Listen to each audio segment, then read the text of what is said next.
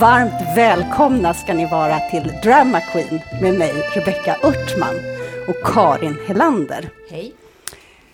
Det här är en samtalsserie som vi gör om barns rättigheter under rubriken Aldrig våld, som är Astrid Lindgrens fredstal som hon höll 1978.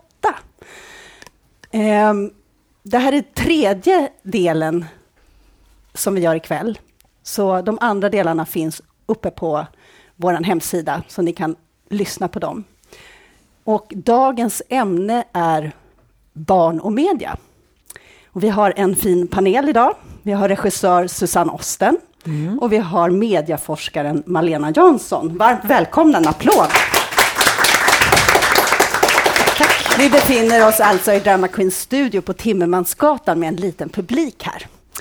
Och jag tänkte faktiskt börja med att fråga dig, Karin. När du var barn, hur, hur tog du del av media och information?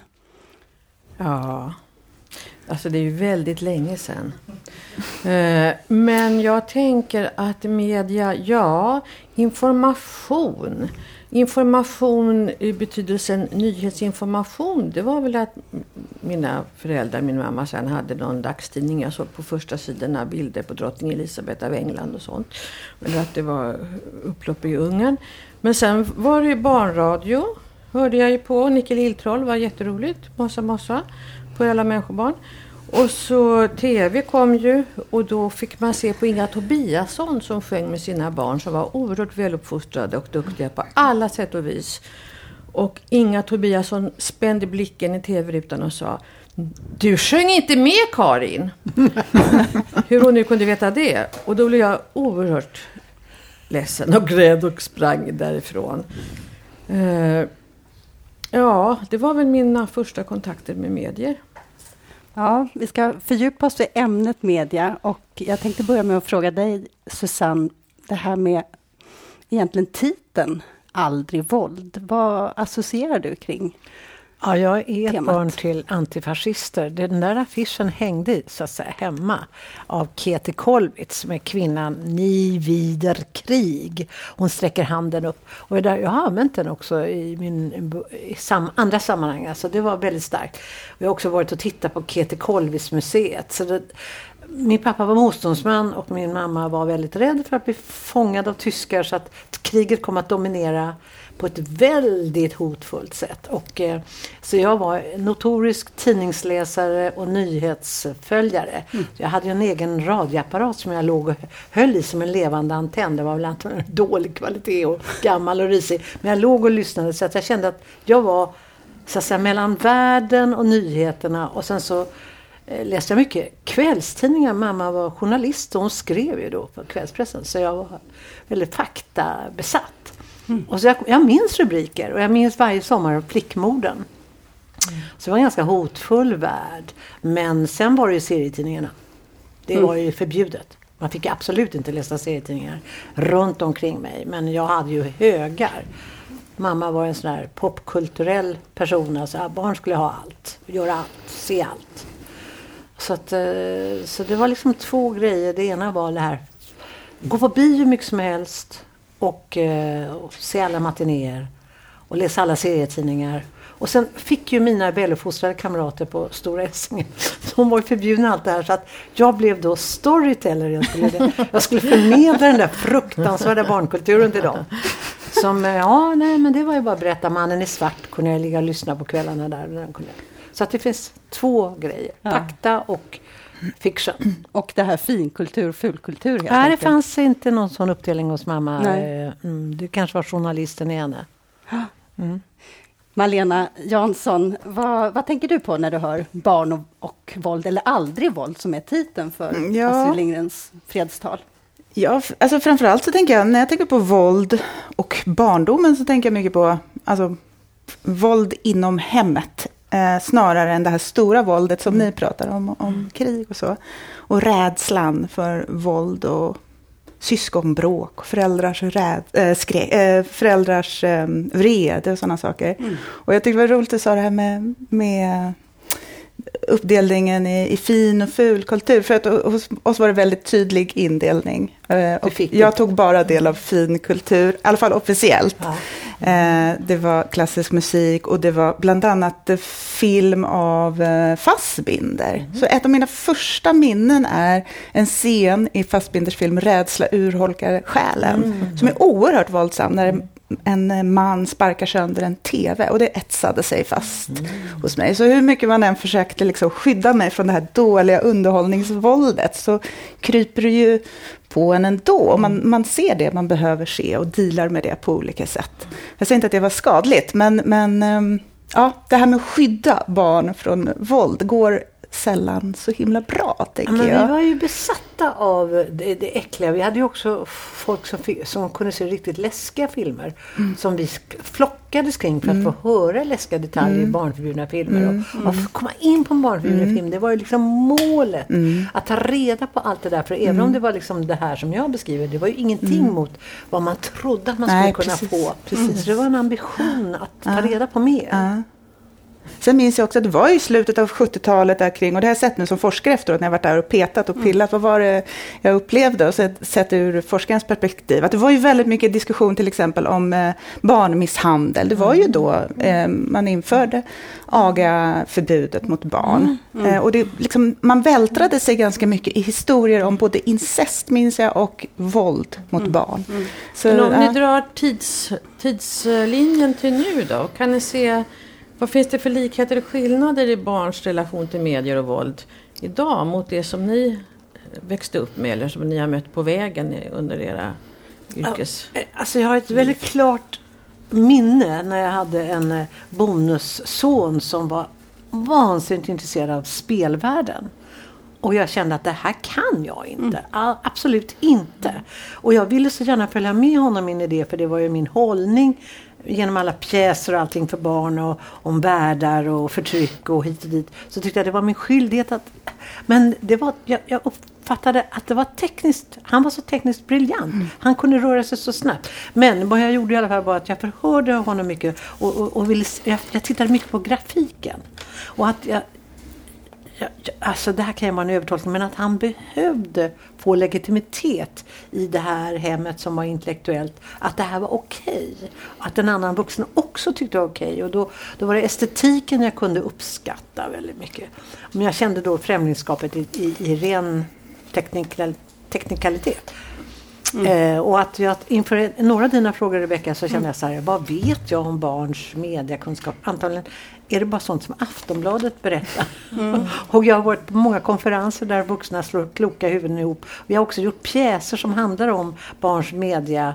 Men alltså vad vet vi annat än att jag tror att, att jag har sett att de svettas på samma sätt som vi vi kunde läsa serier som om det var verklighet. Ja. Vi kunde omfatta det till, till kött och blod. Och det kan de via sina spel. Alltså det här är ju inga det är verkligen värda rolllekar och allting. Det är otroligt värdefullt att man inte ställer sig utanför det. Och det, det är värdefullt. Men jag kan inte mycket om det. Men, men eh, mediaforskare har vi ju här. Kanske ja, du kan du säga kan. någonting. Finns det någon skillnad mellan hur killar, eh, pojkar konsumerar media och hur tjejer konsumerar media till exempel? Uh, det finns det.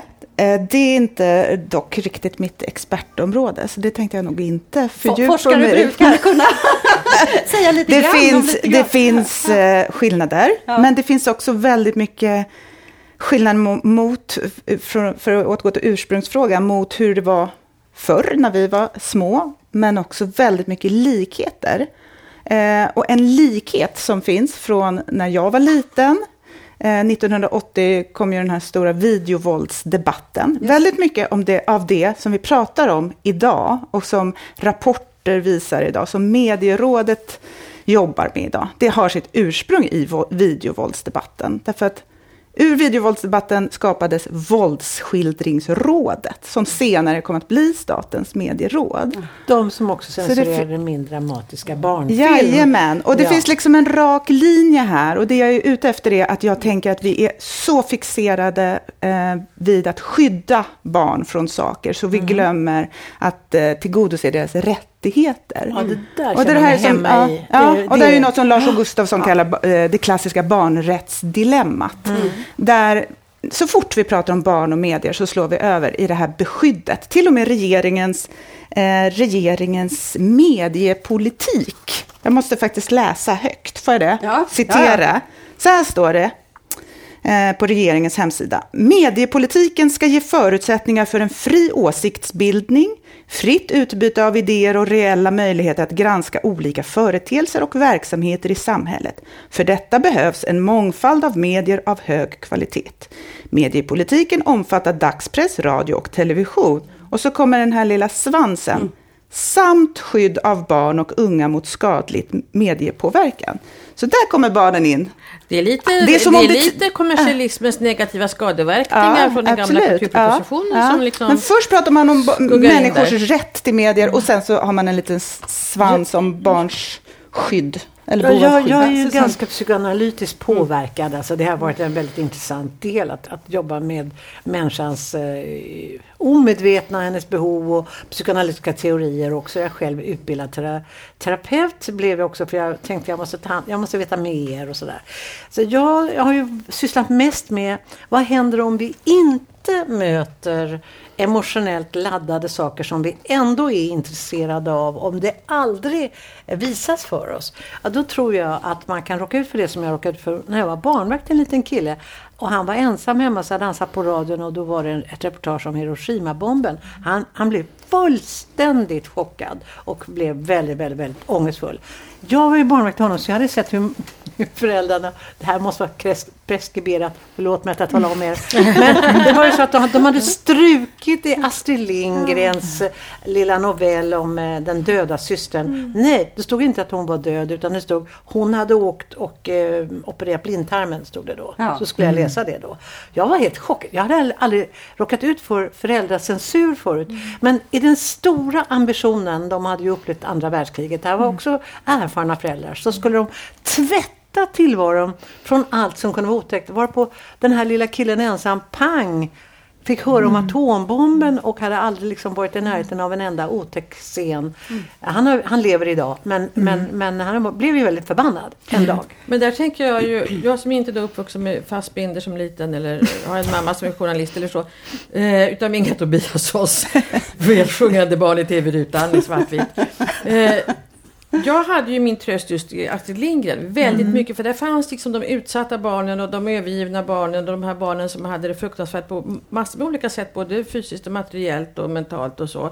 Och det var ju en otrolig tröst att läsa om de barnen. Mm. De, de, gav ju svärtan och mörkret. Mm. Men så tänkte jag, eh, Malena, jag vet ju att du också har tittat på, det har kommit sprillans ny forskning mm. kring barns media eh, vanor och mediebehov. Och jag mm. tänker när jag både hör på Susanne och när jag hör på dig, så det här som du säger är lika, det handlar ju mycket om eh, alltså den vuxna moralpaniken eller mm. mediepaniken. Mm. Men kan du inte säga någonting om den här allra nya forskningen som ändå lyfter fram det som också kan finnas positivt i barns mm. medieanvändning mm. men som kanske då Statens medieråd eller andra sådana mm. myndigheter eller institutioner inte alls har flaggat för? Ja, Ja, det som framkommer då i till exempel Statens medieråds rapporter, de kommer med en medierapport, Ungar och medier, vartannat år. Eh, och det är bra och viktig information, så jag vill inte liksom ta ifrån medierådet det. Men den, de här nya rapporterna visar då alltid, varje år, att barn och unga använder skärmar allt mer, digitala medier allt mer, och så läser de mindre och mindre böcker, eller färre färre böcker. Och sen så slås detta upp i de traditionella medierna, som Svenska Dagbladet, Dagens Nyheter, och så, så slår, slår vi upp de här läslarmen, som vi kan kalla det. Och sen så skriver Jens Liljestrand i Expressen att nu måste vi förbjuda skärmar och slänga dem på sopen och tvinga barnen att läsa. Han skrev ju faktiskt uttryckligen så. Det som inte då framgår i detta överhuvudtaget är ju eh, allting som inte syns i de här siffrorna i de här rapporterna. Och då finns det kompletterande forskning, det görs faktiskt en massa forskning, men som aldrig lyfts fram mm. i de vanliga medierna.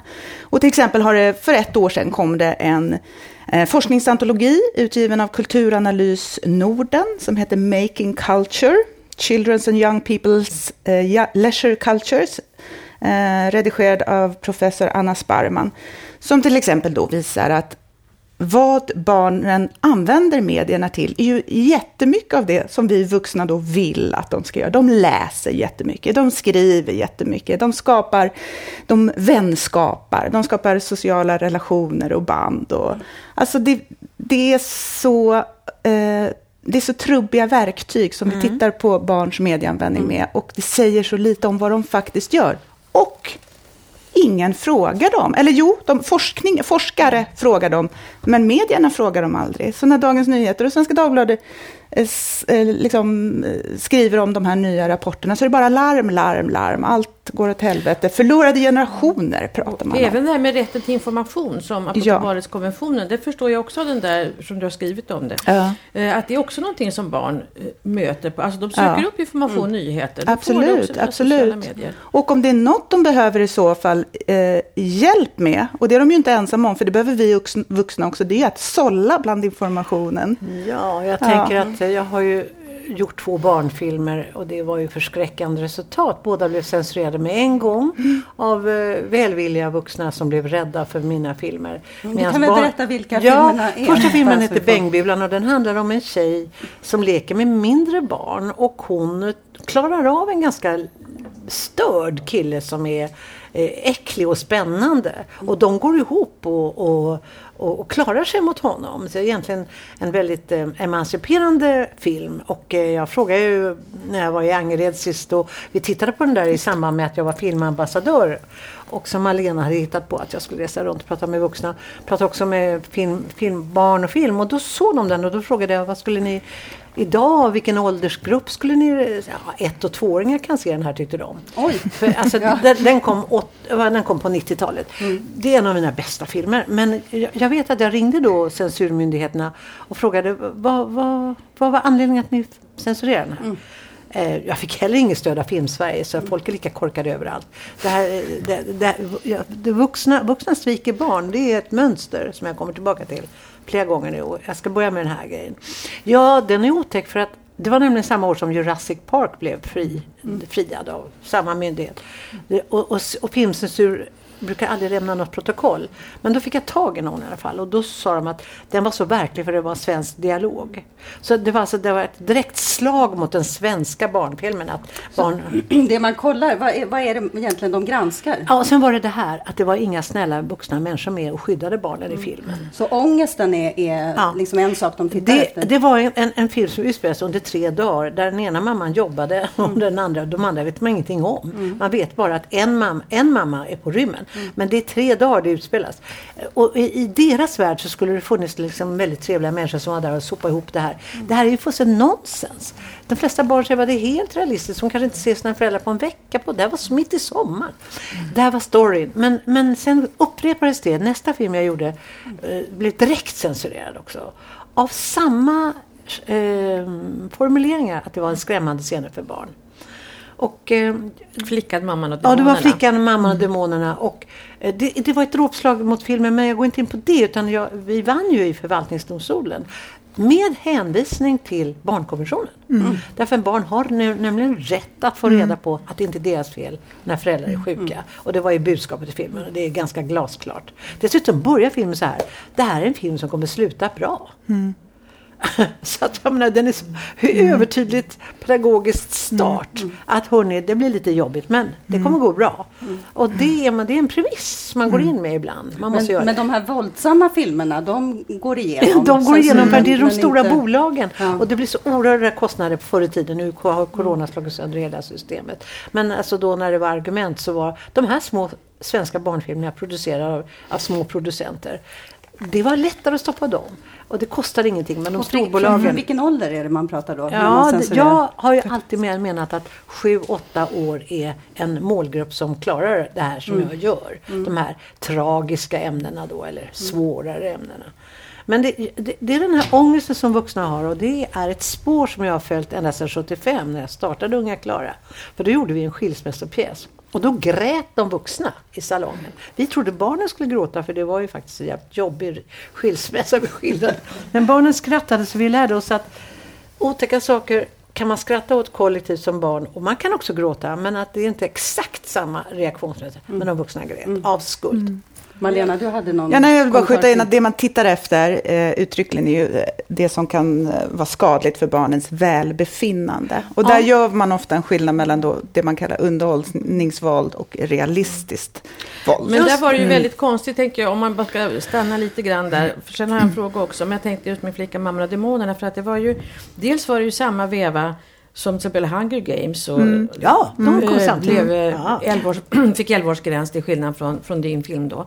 Och sen var ju också, eh, du fick, där kom ju en del vuxna, inte minst psykologer och så, till din, mm. och gav dig stöd för att visa att just att barn som lever i den här situationen mm. behöver en sån här film. Men jag kommer ihåg också formuleringarna från medierådet då, att det handlade ju också om att det var för realistiskt. Och då mm. tänker jag, de här monstren var inte mm. jätte, demonerna var ju ändå inte jätteläskiga. Om man åt en violpastill och pustade på den så försvann de ju. Jag menar så. Mm. och sen så var det, jag tänker att det handlade mycket om att det var en mamma som var självmordsbenägen eller som var hotfull. Det var, det var, det var mamma. Ja. För samtidigt så kom ju Ove på, på bio för 11-årsgräns och han mm. att livet av sig hela tiden på det mest realistiska ja. sätt. Så det finns liksom ingenting som hänger ihop tycker det jag i den argumentationen. Det hänger inte ihop min, min pessimistiska, jag har hållit på länge med det här och jag, det finns så otroligt engagerade vuxna som inte gör annat än att försöka knuffa utvecklingen framåt. Men min pessimism är likgiltigheten för vad det här handlar om egentligen. Att det är ingen som tränger in i det här ordentligt utom vi som verkligen gör det för att vi måste. Mm. Och, eh, det, och vi, jag, menar, jag har ju lärt mig mycket för att jag måste förstå vad som händer. För när man klampa på, fram på ett tabu och folk slår till mm. så här överdrivet. Mm. Då blir man ju intresserad. Mm. Också den här sexskandalen på Dramatiska institutet för mm. Väldigt lång tid sedan var en väldigt intressant överreaktion. Mm. Och det, det, det, det voterades om att vi borde bli av med våra tjänster, vi borde mm. skjutas i princip.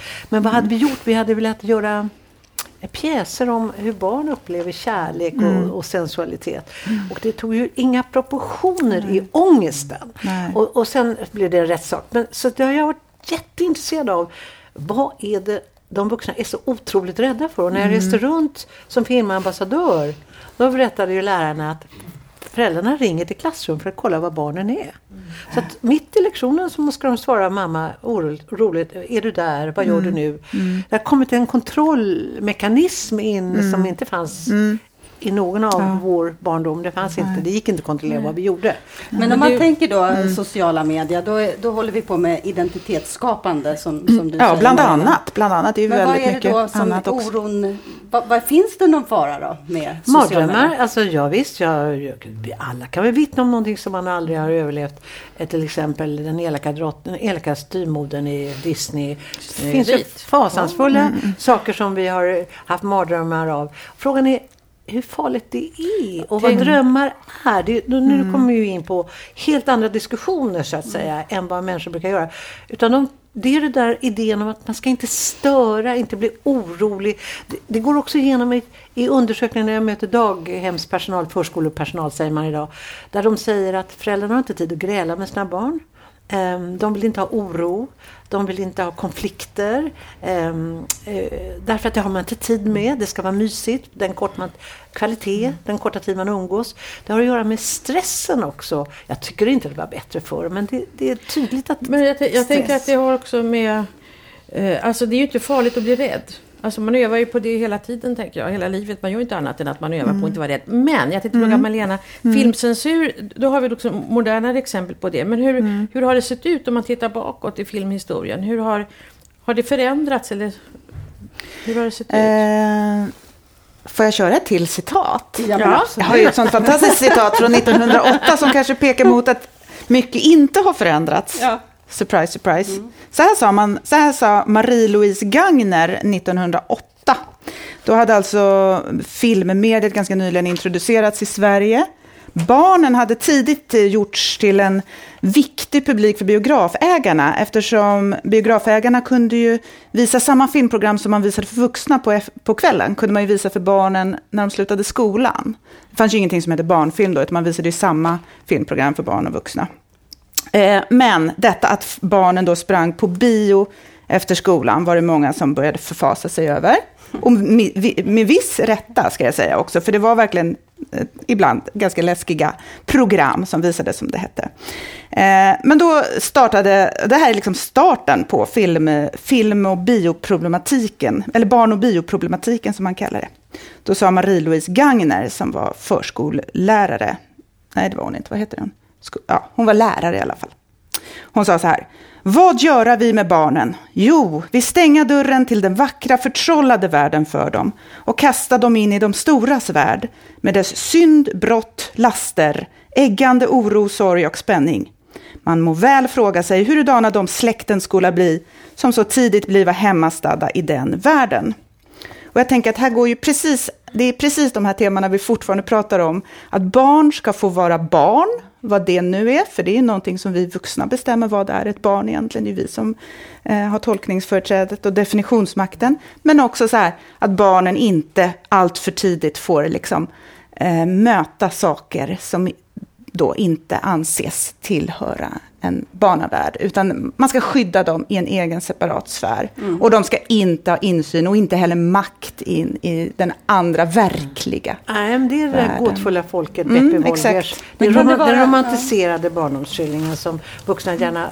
Det, min mamma sa, det var hennes favorituttryck, barn är vackrast när de sover. Mm. Det, det, skulle mm. man kunna säga var en trött mm. mammas mm. eh, devis. Men ja. det ligger någonting med att ja. det är väldigt mycket, nu ska vi sova, många sagor mm. och så så gick de och la sig och sova. Ja. Det är mycket sådär invaggande. Ja. Den här väldiga vitaliteten ja. eller det äckliga eller det utforskande eller det amorfa. Mm. Det som faktiskt Freud mm. drog upp att barnet är sexuellt och nyfiket mm. och expansivt. Och mm. Det orkar inte vuxenheten Nej. Så därför ska vi ha berättelser som är mm. mainstream och, ja. lugna. Och sen är det väldigt spännande också, för att å ena sidan har man ju varit rädd då för filmmediet mm.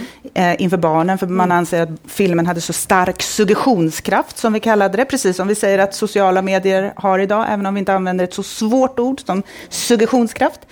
Eh, men å andra sidan har filmmediet, filmvärlden från första början varit så helt besatt av barnet som en bild. Och just då den här romantiska, gåtfulla folket, bilden av barnet. Jag brukar kalla det för spektakel, spektakelbilden av barnet. Mm. Och nu måste jag få ta, ta upp ett, ett exempel. Nej, jag fick idag ett pressmeddelande från SVT om en ny serie som heter Våra barns gåtfulla liv.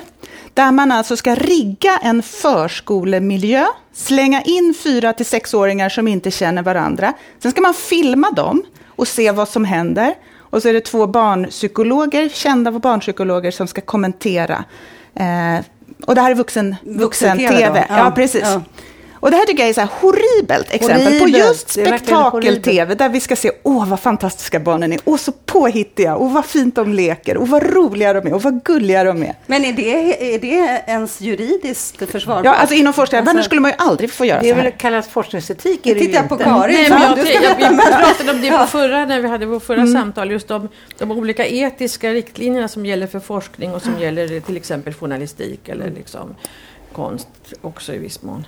Nej, det verkar ju helt horribelt. Men mm. sen tänkte jag, alltså det som du pratar om Malena, det går ju inte. Det går ju inte att skydda barn från verkligheten. Jag tänker på ett exempel, det var också någon vem var som berättade om det, någon barnpsykolog där då efter september med tornen mm med flygplanen att det, BRIS blir ju nerringt av barn som undrade hur många plan det var. För de förstod mm. inte att det var reprisen, de trodde att det var nya plan som kom. Mm. Alltså hur sorterar man kring den där mm. informationen? Det går ju inte att skydda barn från informationen. Nej, det ja, finns nej. ju hela tiden, det finns på skolgården, mm. det finns på TV, det finns på löpsedlar, det finns precis överallt vi ser mm. hemma. Mm. Men hur ska man liksom, man måste ju på något vis lära barn att handskas med information. Jag tror inte man kan hoppa över eh, det här med eh, vuxendialog. Jag har ju, varför har jag varit i barnvärlden i så stor del av mitt liv? Det är ju inte så tacksamt. Det kan man, många lärare och många förskollärare kan ju säga samma, och många skådespelare. Det är ju inte tacksamt, eller de som skriver barnböcker. Eh, om man vill ha status och, och det ska vara sexigt och intressant och så. Det är det inte. Men det är van, vansinnigt intressant om man ser att det är ett konfliktområde. Det är ett politiskt mm. konfliktområde och, där är, och jag är där. Alltså jag är bebis eller jag är sjuåring mm. eller allting. Och, och, när jag helt naivt reste runt i Australien och föreläste om barndom visade jag bilder av Sally Mann. Mm. Hennes barn har ju ställt, inför hennes kamera ställt upp Och de ler inte. Och de, och de är ganska provokativa. Mm. Och de är nakna och de gör allting. Och, och sen en dag tröttnade de på att ställa upp för hennes kamera. Mm. Detta, när jag visade bilderna, blev uppror bland eh, de här väl ansade Acetei-medlemmarna som skulle få höra något eh, om en trevlig barnteater från Norden. De blev galna och menade att hon var pedofil och allting. Och hon blev själv tagen på sängen mm. för hon hade fotograferat sina barn innan mediaexplosionen så att mm. hon hade aldrig tänkt att de skulle kunna spridas eller bli användbara. Men för mig var de bilderna ett exempel på att barn vill bli vuxna. Och de härmade i bilderna olika lekar av mm. vuxenheten. Och de satiriserar också vuxenheten. Men det, så det finns liksom, de, har de, de röker och de, ja, de leker så att säga olika identiteter. Och att det är någonting som jag har upptäckt mycket när jag vistats i research med barn att de är väldigt intresserade av det som ska bli livet som de ju lever mm. men som de inte har makt att säga någonting om. De kan inte välja föräldrar eller bostadskvarter eller klasstillhörighet eller, eller sin egen... Eh, de kan inte välja någonting. De, är, de hänger på och mm. de är mm. väldigt nyfikna. Och hur ska man ta mm. hand om detta? Mm. Detta frågvisa batteri. Och då, då var det det här kriget i, i Jugoslavien. Då när vi åkte ut med vår pjäs som var en ganska hård pjäs, en dokumentär berättelse. Då la vi till 45 minuter att bara vara i klassrummet efteråt.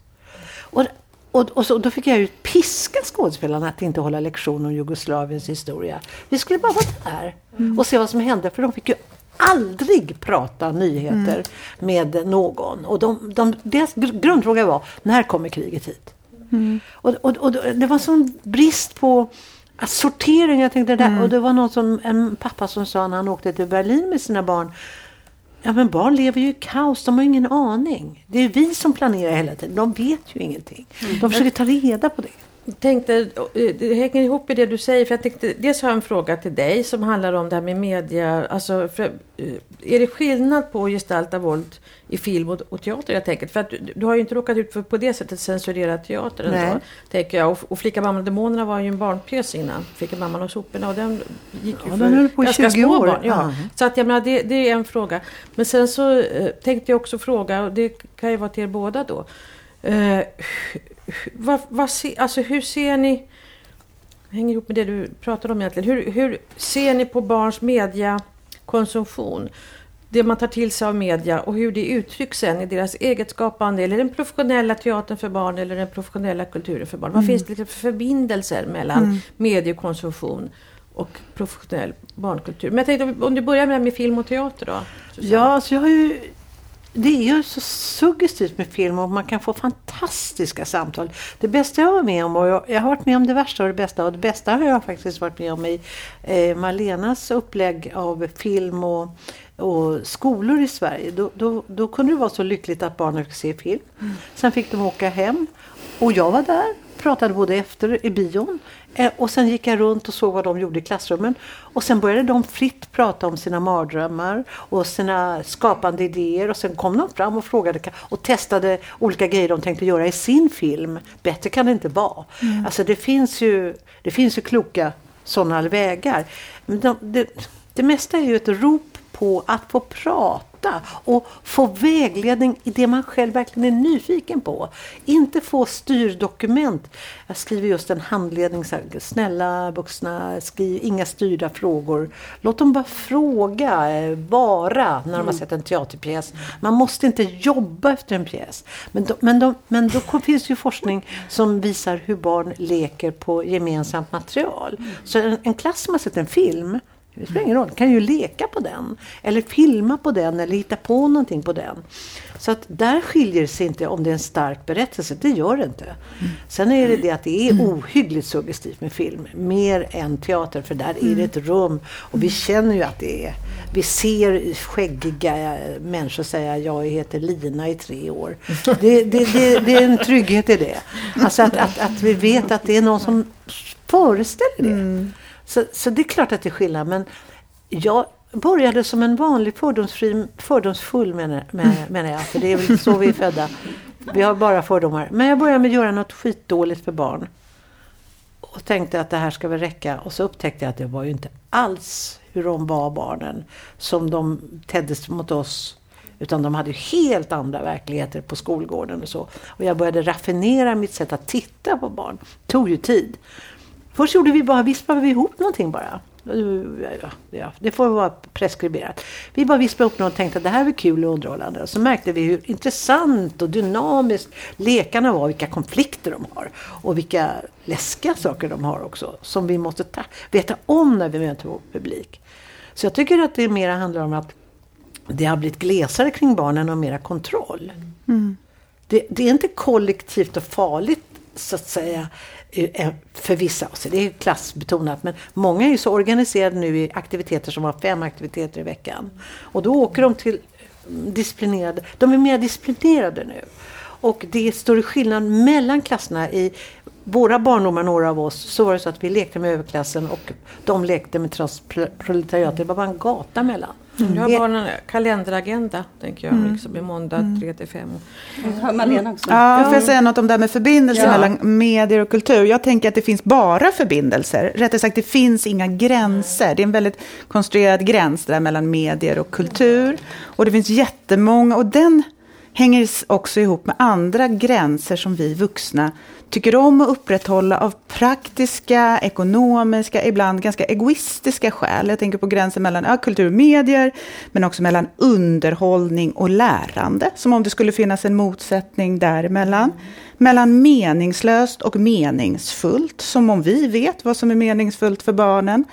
Eh, och mellan, som du faktiskt nämnde, så slår jag dig på fingrarna här, mellan konsumtion och kreativitet. Finns, jag tänker att det finns inga gränser däremellan, det går in i varandra, det är så ihoptrasslat. Och att uppleva någonting och sen skapa utifrån det, och sen så det man har skapat, det får man tillbaka in Jag tänker till exempel på YouTube. Att titta på YouTube, det handlar inte bara om att konsumera med, Det handlar om att se på andra som skapar, det handlar om att skapa själv i ett liksom mediekultur-ekologi. Mm. Ja, ja, men precis. En ständigt liksom ekologisk... Fast jag måste säga att jag, jag saknar en passionerad vuxen. Och jag, jag, jag river ut olika klipp som jag tycker stöder vad jag tycker. eh, jag tänker inte läsa högt, men det, det, det, det handlar om elden hos en vuxen människa. Jag, jag har sett en del väldigt bra eh, engelsk eh, pedagogisk art educational stuff Mm. Och då har de till exempel kanske världens nördigaste konstnär som håller på med etsningar. Mm. Och så får skolklass hänga med mm. hans sätt att göra det. Det tar jag som ett exempel. Det är en nördighet. Så jag hade en fysiklärare. Det kunde lika väl bli så att jag har blivit eh, en av de här nobelpristagarna. Som hade, ja, Nej, men att jag hade ägnat mig åt fysik. För att jag, jag var helt crazy upptagen av GAM och populärfysiker mm. och så. Då var jag 11-12. Mm. Därför vi hade, vi hade lärare som var, de de inte bara spottade genom sina oreglerade tänder. Mm. De, de var liksom fanatiker mm. i historia. Eller, de brann för den grejen. Och det så står det i den här artikeln att när föräldrarna, föräldrar eller ni, vi, lärare brinner för vetenskap och matte tycks elevernas betyg inom dessa ämnen bli bättre, visar en studie. Ja, allt som visar att mm jag älskar livet och mm. via det här ämnet. Det, mm. det drar till ja. sig livslust. Och mm. det är för lite sånt. Ja. Men det tänker jag, det har ju du också gjort, apropå det som Susanne berättade om när du jobbade med barn och film mm. på eh, mm. mm. Och jag vill säga att det finns väldigt många lärare som har den här passionen. Ja. Och som också, alltså det gäller film, det gäller eh, kulturteater, men det gäller också sånt som Instagram. Jag har hört talas om en lärare som, som undersöker Dantes eh, Divina Commedia med hjälp av Instagram med barn i, som går i sjuan. Till exempel. Alltså det finns de mest fantastiska kreativa hybriderna. Ja. Ja. Men jag tänker, på, när du jobbade med filmpedagogik, ja. vad, vad, fick du med dig av det? Liksom, vad kunde du se att ni uppnådde? Eh, jag fick med mig lite det som Susanne säger. Jag fick med mig och bekräftat att film kan användas på fantastiskt många olika sätt. Att man inte behöver just göra den här distinktionen mellan underhållning och lärande. Det tycker jag är det viktigaste. Och där tycker jag det är problematiskt att kulturen, kulturen för barn idag är så beroende av skolvärlden så att man börjar anpassa sig efter skolans läromål. Så att liksom, det fria kulturlivet inte alltid är så fritt som vi skulle vilja önska, eller som vi önskar kanske. En annan grej som jag sysslar mycket med, det är ju den, de konstnärernas självcensur som ska jobba för barn. Mm. Alltså att vi är så otroligt eh, dubbelmoralistiska. Vi tycker en massa saker men sen så det, slår all, all cens, censur till när det mm. gäller skapande för barn. Och det, är, det är någonting som... Jag, jag tar ett exempel. Då, att, att jag var i Sao Paulo där det är ohyggliga livsomständigheter men framförallt så går barnen i skolan bara under tre timmar under dagen och så rekryterar maffian eh, fattiga ungar. Och jag, jag handlade ett teaterprojekt och, och, och skulle hjälpa de här att stå ut med sin e sina egna minnen, barndomsminnen. Nu ska vi åka ut till en favela här och spela upp dem där för barn. Och de var ju så rädda. Det var väldigt, väldigt, väldigt engagerade medelklassstudenter, eh, regissörer och skådespelare som jag hade tvingat att göra det här barnprojektet. Och de var ju rädda så att de skalv. Bara detta att de visste ju, de visste att de aldrig varit i en favela. De hade en underbar egen utbildning. De skulle hålla på med teater och så skulle de ut till det här. Men det värsta var att när, det värsta, det bästa var att när de väl spelade upp sina grejer som de tyckte var, vi kan inte komma här och göra en historia om att jag blev avundsjuk på min syster när hon fick måla mm. grönt. Att Barnen var enormt engagerade i det de hade berättat. De hade precis samma avundsjuka eller precis samma äckel inför någon mjölkgrej, en kaffe, en sån här chokladkopp som låg som skinn och tyckte de var väldigt otäckt. Eller hur farligt det var att skala en apelsin och vad rädd man var för innehållet. Det var inte ingen skillnad liksom i sensuella erfarenheter. Det var det ena. Det andra var att när barnen spelade teater för dem, då fick de se allt vad de såg på mm. TV. Mm. Och det var väldigt sofistikerade mm. dramaturgier, rika historier och många konflikter. Mm. Så det var så mycket fördomar kring jag kan väl inte klara av det här och, och mm. tänk vad verkligheten är komplicerad. Så istället för att möta så att säga barnen mera och det, och det där har jag råkat ut för så otroligt mycket. Mm. Att det finns en beröringsskräck med att vara i barns mm. miljö och ta mm. del av vad de... Mm.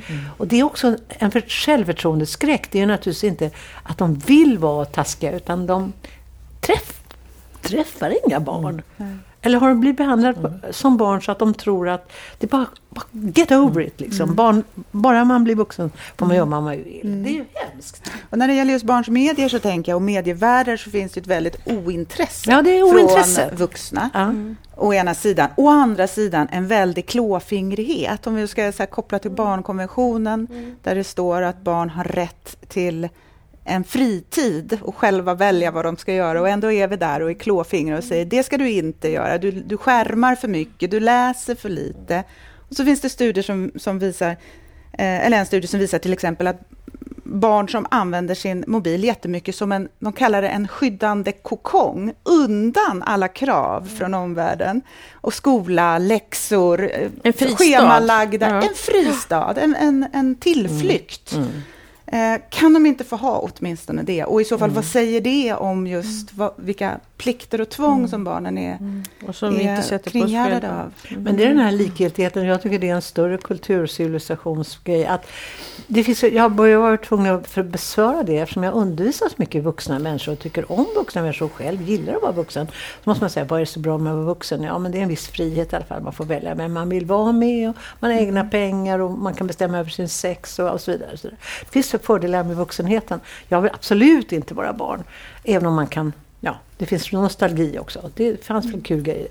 Men, men den där Ja, den där stora likgiltigheten, det har ju att göra med att vi, vi är gjorda så att vi ska glömma den där barndomen. Alltså det är ju gjort så. Vi ska ju bli in i den här vuxna världen. Den har ett pris. Men ibland tänker jag att det är att det inte bara är likgiltighet. Ibland tänker jag att det är också en väldig välvillighet. Att vi vuxna i vår välvillighet för att barnen ska må riktigt jättebra och vara skyddade för allting ont och ha, ha, bli väldigt duktiga vuxna och mm. vara disciplinerade och klara sig i livet. Att vi liksom beskär väldigt mycket mm. djungel runt omkring. För att, mm. Och det, det, är inte likgiltigt utan det är tvärtom en monstruös välvillighet. Mm. Ja, det är samma sak egentligen. Ja, men om man ser historiskt då, om man tittar på första frågan egentligen Karin som jag ställde till dig. Hur, hur tog du emot media på det mm. sättet? Och mediabilden av ett barn så beskrev du den där duktiga mm. familjen som stod på led och mm. sjöng och ja. var välklädda. Hur, hur porträtterar vi barn i media idag? Hur upplever barn att de blir porträtterade? Det är Malena som De är små ja. besserwissrar i medierna. Ja, jag skulle säga att det finns, dels, här finns också, apropå uppdelningar, då finns det ju barnmedier och vuxenmedier och hur barn skildras i de två olika medierna är otroligt olika. Så i barnmedier, vi säger till exempel SVT Barn eller KP, alltså Kamratposten eller Lilla, Lilla Aktuellt, vad det nu är. Där är det ju ändå eh, ofta ett hyfsat liksom, komplext och eh, rund, vad man pratar om runda karaktärer. Man får se lite fler sidor av olika, det finns ganska ambitiösa dokumentärserier och så vidare om barn, för barn. Men det är då i en ganska hermetiskt tillsluten barnvärld som mm. bara barn ser och möter. Och sen så finns å andra sidan det jag kallar lite grann den här spektakelvärlden som visas upp för vuxna. Där barn ska vara gulliga, duktiga, skratta så att, eller användas som sån här, jag brukar kalla det emotionell trigger. Att man gör barn till mördare inom fiktionsfilm, eller mördar barn inom polisserier och sånt där, därför att vi blir så illa berörda av det. Det, liksom, det går ju åt oss. Mm, och jag tänker så på det, en, en, forskare som heter Johanna Sjöberg som finns mm. nere i Linköping som mm. disputerade på en avhandling för ett antal år sedan, kanske 2013 eller så. Mm. Och som har fortsatt att skriva också om bilden av barn. Mm. Eh, och, men hennes avhandling handlade om bilden av barn i eh, reklam för, mm. som var riktad till vuxna. Och även spädbarns, för förstagångsföräldrar i spädbarnsreklam och så. Och då kunde hon se väldigt tydligt, så där otroligt entydiga bilder. Att dels finns det liksom det oskuldsfulla änglabarnet, mm. det naiva barnet som är från liksom rötter bakåt. Och det var Inga Tobiassons barn också, exempel på så. Eh, och sen är det de, även bebisar då, alltså äventyrslystna och nyfikna och mm. upptäckarglada. Mm. Det är liksom mm. också en slags oskuldsfullhet, men lite mer mm. äventyrlig. Och sen de här barnen som vill lära sig, som är kompetenta och liksom mm. har verkligen har kapacitet för att mm. förstå och kunna disciplineras. Så. Mm. Det var tre väldigt tydliga mm. barnbilder mm. som liksom var grunden i all mm reklam. Men det här med att vi kan använda vårt eget, vår egen mobil, då, vår egen kamera till mm. att porträttera oss och berätta vår historia. Det är en helt annan, ett maktskifte som har skett från mm. Ja, den är bra för att bara många, 15 år. Mm. Det är bra. Många, många, många barn som frågar mig hur blir man regissör? Så här, det kan det bli med en gång. Mm. ja. Du går ta några av dina ja. kompisar och hittar på en historia så tar du din mobil. Ja. Jaha! Och så, ja. jo, alltså det är, det är ny teknik. Ja. Alltså, det går ju att leka direkt. Ja. Så jag tror och, och barn och unga filmar ju oerhört mycket. Ja. Det är också en av de här sakerna som, vi, som de här rapporterna visar. Och det är jättebra. Men vi vuxna kunde också vara lite mer intresserade av att se vad det är de skapar istället för att bara porträttera dem. För vi är ju väldigt duktiga på att lägga upp i sociala medier vi, vi bilder gjorde... av våra barn och barnbarn. Ja, men vi är inte så duktiga på att titta på vad det är de festival skapar. med barns filmer. Det är ju han Erling Eriksson som har hållit mm. på att resa runt i många, många år och lära barn att göra eh, animerad film. Mm.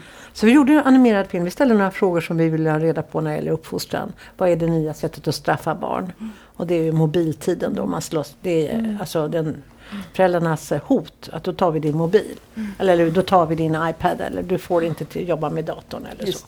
Det är den nya straffen. Och sen så ja, gjorde de eh, på, på, några väldigt enkla frågor så jobbade de i grupp och visade otroligt bra filmer, måste jag mm. säga, kortfilmer. Mm. Jag var häpen över hur fantastiskt det var. Och då hade vi festival med väldigt olika eh, samhällsklassers barn som hade fått göra, jobba med samma. Och då var de i samma eh, teaterlokal. Det här är ju drömmen att man är i en lokal och man är från olika håll och man reagerar vansinnigt olika på saker. Mm. Och då var det någon flicka som hade gjort någonting om ohygglig svält. Och hon kom från något afrikanskt område. Och då hade de, eh, de här några andra barn som, nej, det där kan inte bara, det där kan inte ha hänt, eller vad håller ni på med? Och då svarade de, det var otroligt lyckat tycker jag, att, att det där kontroversiella, att det var en, mm. en barnfilmsfestival eh, med bra, mm. men väldigt olika referenser. Mm. Och det tyckte jag var en slags konstnärlig höjdpunkt. Mm. Att man kan göra det om man inte ser sig för att ta fram de där ljudlägga mm. de där mm. filmerna, hjälpa mm. till. Det är mm. mycket arbete kring en sån grej. Mm. Men Susanne, du som har hållit på så länge med referensgrupper av barn och liksom träffat så många barn. Har du sett, alltså finns det någon förändring ändå? Eh, kan du se någon förändring om, kring vad barn har frågat eller reagerat på så sen du började liksom, på 70-talet? Till nu? Eller är det sam känner du igen Jag har gjort mer? en reflektion en gång som jag tycker stämmer och det är att barn på landet är lite annorlunda än de i storstan. Ja. Att det ligger några mo mognadsnivåer, alltså om man nu kan kalla det mognad, med några utvecklingsnivåer senare. Sen när vi var i Västernorrland och spelade så, och sen kom till Stockholm så, så var det väldigt stor skillnad på aktiviteten. Men det där är ju liksom, i varje skolklass lär det vara eh, utvecklingsnivåer på åtta år. Jag menar, det kan ju vara väldigt mm. olika. Mm. Nej men, men jag sysslar mycket med vår vad är en autentisk kommunikation mellan en främmande vuxen och en... Eh, det är inte, inte tal om att vi intervjuar barnen, det gör vi inte längre alls. Vi frågar dem inte massa meningslösa frågor som de bara skyltar bara, de säger bara frågor, de svarar bara på vad de tror att vi vill mm. höra. Utan man måste vara mer och mycket mer och då finns det ju andra former. Leka, och, och sådär. Och, och det är en fråga jag ställer mig till varje grej. Behöver den här pjäsen någon efterbehandling? Eh, och, och, och, vad skulle kunna vara spännande att göra efter man har sett den här pjäsen? Innan man måste liksom organisera sig och åka hem och allt det där. Mm. Så att, det, det handlar mycket om autenticitet och jag har sagt till skådespelare väldigt mycket att, att öva på att inte hitta på, inte vara så aktiva. Bara mm. låta saker hända. Det verkar som vi inte kan det. Jag kommer ihåg att det var en kris när skådespelaren sa, men hur ska jag kunna prata med bebisen? Vad ska jag säga? Jag behöver inte säga någonting. Du kan bara säga, hej, jag heter Susanne eller något. Du behöver inte hitta på något intressant. Du behöver inte vara intressant. Du kan bara vi övade helt enkelt kontakt. Mm. Det var det som var det svåraste mm. för de här yrkesprofessionella mm. rashästarna. Att, för de tror inte de var ett dugg intressanta utan, utan en intressant text. Och här skulle de plötsligt vara autentiska i kontakten. Kan någon vuxen vara det? Ja, det vi, vi tror fråga. att vi måste... Ja. ja. Jag måste bara börja avrunda nu det här otroligt intressanta samtalet. Men jag har en fråga som är eh, som ni får svara lite längre på helt enkelt. Som är hur barnkonventionen har påverkat ert arbete. Om den har. Ja, det har den, har. verkligen. Ja, det har den verkligen. Dels har, ju, har jag ju mm. kämpat för den när det gäller rättigheten att få visa min film. Och fått rätt. Den kvinnliga domaren citerade då barnkonventionen så jag kände att vi är på samma spår. Men sen är det själva Korsak som, är grund, som la grunderna till barnkonventionen. Han betraktade barn på ett väldigt annorlunda sätt än nästan all pedagogisk eh, litteratur. Och, och det var den här polska läkaren som också gick in i Auschwitz mm. fast han hade kunnat räddas med sina barn som han hade tagit hand om. Eh, hans sätt att starta tidning och spela teater om det allvarliga mm. och hans resonemang om vad ett barn är och vad ett barn upplever det är grunderna till barnkonventionen. Det är helt enkelt att göra en koppling. Det här är jag. Det här är jag. Mm. Och, då, och, och, den stora förflyttningen för mig som har med barnkonventionen att göra är att det här är sant. Det här är jag. Och jag är det här barnet. Fast jag nu är 76. Det är jag. Och bebisen är jag. Det liksom har inte ändrats. Och om man har de glasögonen så är allting absurt, så att säga. Mm. Och där är konventionen en påminnelse. Vi kan inte konventionen. Eh, eh, men jag träffade en kvinna i Istanbul när vi var där och jag gjorde en workshop. Mm. Från Eskilstuna som går runt och lär politikerna barnkonventionens mm. verklighet. Och jag blev så imponerad över detta arbete. Att få politiker att ta sig tid mm. och så går hon igenom den med dem. Och jag tror att det här är en filosofi, mm. en, en, en, en verklig framgång. Och då tänker jag att det är Korsaks mm. förtjänst att den finns. Och han betraktar sig och barnet som samma. Mm. Mm. Lästips, Janus Korsaks Barns rätt till respekt mm. från 1929. Mm. Fantastisk liten bok. Mm. Otroligt substansrik och fantastisk. Oerhört aktuell fortfarande idag. Häpna. Har du någon hjälp av det, Malena? Ja, så jag, har hjälp, alltså jag jobbar med barnkonventionen dagligen nästan som lärare på Centrum för barnkulturforskning, därför att vi undervisar ju mycket faktiskt om barnkonventionen och utifrån barnkonventionen. Det handlar ju mycket om barnens rätt till kultur, till medier, till fritid, precis det vi har pratat om, och hur de är väldigt sammanvävda. Sen har jag som, om man man får kalla sig lobbyist eller en sån som vill verkligen att ge, ge barnkulturen högre status så är ju barnkonventionen oerhört användbar. Därför nu kan man inte krypa undan som politiker eller makthavare på något annat sätt och säga ja, ja, det där är gulligt, men utan nu är det lag. Barn har lagstadgad rätt till yttrandefrihet, till att använda Youtube på sin fritid om man vill, om man ska dra det eh, lite långt. Eh, så barnkonventionen är ju väldigt användbar i mitt yrke som, att, ja, som språngbräda och som eh, slagträ, helt enkelt, när man vill eh, säga något viktigt. Det är inte det sämsta, barnkonventionen som slagträ, det mm. tycker jag. Mm. Tycker bra, bra avslut på det. Bra. Mm. Tack Malena Jansson och Susanne Osten för att ni kom till Drama Queen och pratade om media och barn. Tack. Tack. tack. Och tack publiken. Och tack Karin. Ni möter oss igen med nya spännande samtal, men det är de här tre stycken som just utgår från barn och barns rättigheter som kommer att ligga uppe på dramaqueen.nu. Varmt välkomna tillbaka.